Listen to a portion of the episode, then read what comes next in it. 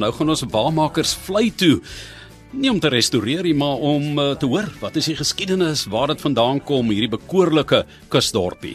Inderdaad, en ons vind uit hoe jy so 'n kusdorpie restoreer. Soos ek genoem het vroeër, daar's ook 'n skeepswrak daar van 1693 wat die Nederlanders se belangstelling prikkel. Marlene Brandt is aan die woord en sy is die bestuurder van Waarmakers Vlei. Jy kan gaan kyk na die webblad waarmakersvlei.co.za.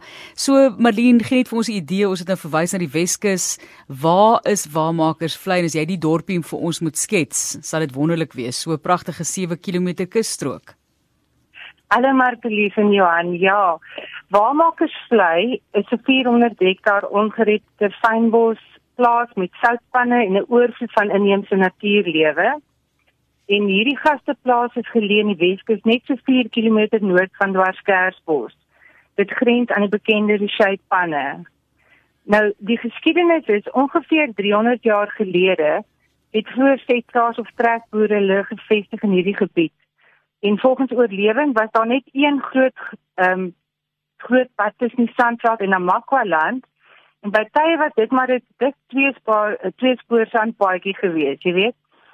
Ehm um, die diepsanderige grond was vir boere 'n baie groot uitdaging om hulle koor koringoeste na velde te vervoer waar dit vandaan met seilbote na die Kaap is. So die soutpan op waarmakers vlei was die eerste harde oppervlak waar boere hulle ossewaans kon uitspan en herstel. Dit is dan teen hierdie soutpanne waar die bekende Blekers familie hulle gevestig het as waarmakers En hulle was daar tot en met die koms van die motorkarre.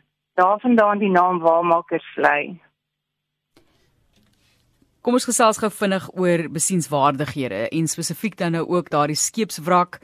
Julle sê Nederlanders stel baie belang daarin. So as 'n mens Waarmakersvlei toe kom, watter tipe van geskiedenis en kultuur sê jy ervaar?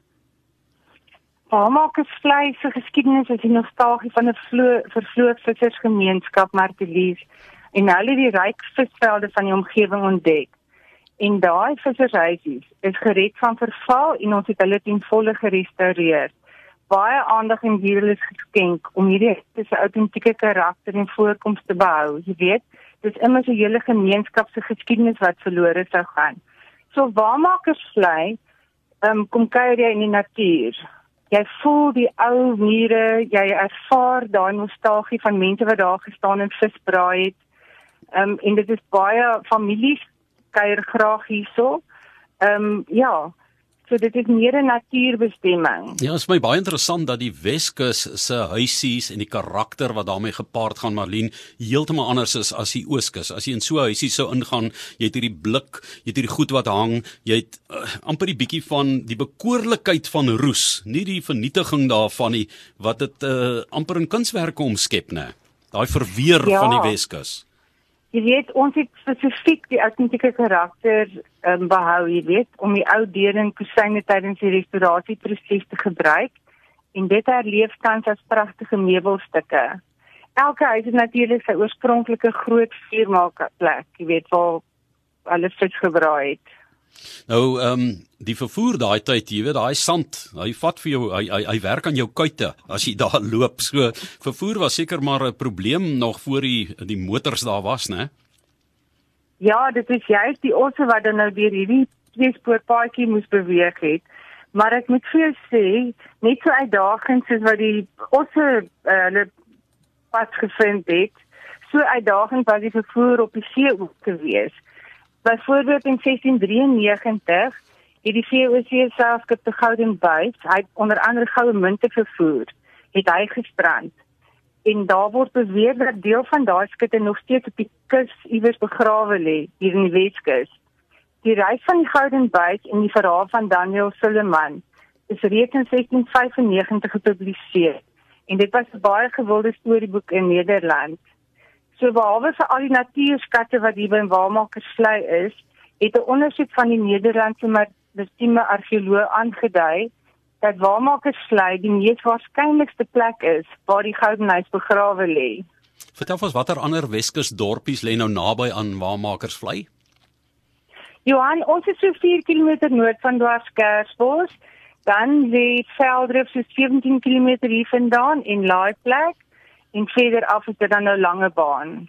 Goed, so ek dink dan kan die mense ook hulle GPS'e instel wat dalk by jou 'n draai wil maak by waarmakersvlei.co.za dis waar jy kan gaan kyk na daardie 1693 eh, skeepswrak wat daar lê en dalk is daar 'n pot goud aan die einde van die reënboog soos ons nou gehoor het.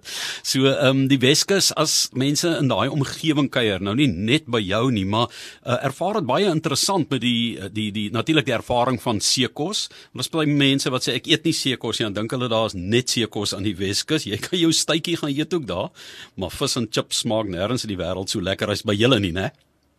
Nie verseker. Dit is in Veldrif is daar nog die autentieke huisies by Bokkomlaan. Dit is van die eerste huisies wat daar is en daar's 'n groot verskeidenheid restaurante, jy weet, van die vishuis waar jy werklik waar baie lekker seekos kan eet. Ek en Jay visserye waar jy 'n glasie wyn kan sit en drink. So hier is 'n hele paar plekke waar gaste kan kuier en die werklike gevoel van die Weskus kan ervaar. Marlene Brandt wat so sê en sy's aan die brand vandag om Suid-Afrikaners aan te moedig om hulle eie te ontdek. Ek dink dis een van die dinge wat met COVID-19 gepaard gegaan het Marlene is dat mense gedwing is om weer 'n bietjie inwaarts te dink en vakansie te hou in hulle eie omgewings. Jy weet daai mense wat nou so bedruk voel en wil uitkom en so, hulle begin nou kyk want hulle kan nie op 'n vliegtuig klim en iewers heen vlieg nie. So um, ons eie skatte wat herwaardeer word en is vir julle belangrik in die toerismebedryf wat maar almal swaar getrek het, né? Dit is verseker so, maar weet jy Johan, die hele siege van die reisiger het verander. Um, mense soek nou plekke wat afgesonder is. Jy weet, hulle wil nie meer gaan waar hordes mense saam kuier nie. En dit maak die Weskus so 'n gesogte plek om te kuier daar's baie om te sien, daar's baie natuur, daar's baie om te ervaar, ons het wyn in die omgewing. Ehm um, maar dit is nie so beknop nie. Jy weet daar's dis oop dis. Dit is veilig. Dis dis veilig vir COVID. En hoe lank ry 'n mens as jy nou uit die Kaap uit byvoorbeeld na julle toe sal ry vir mense wat hulle wil orienteer? Johan, dit is so ongeveer um, 175 km. So dit is onder 2 ure se ry wat dit baie naby maak. Dankie vir die lekker gesels in 360 en geniet die ruwe rotse van die Weskus. Dankie. Dit is dan uh, Marlene Brand met wie ons gesels het en sy is die bestuurder van Waarmakers Vlei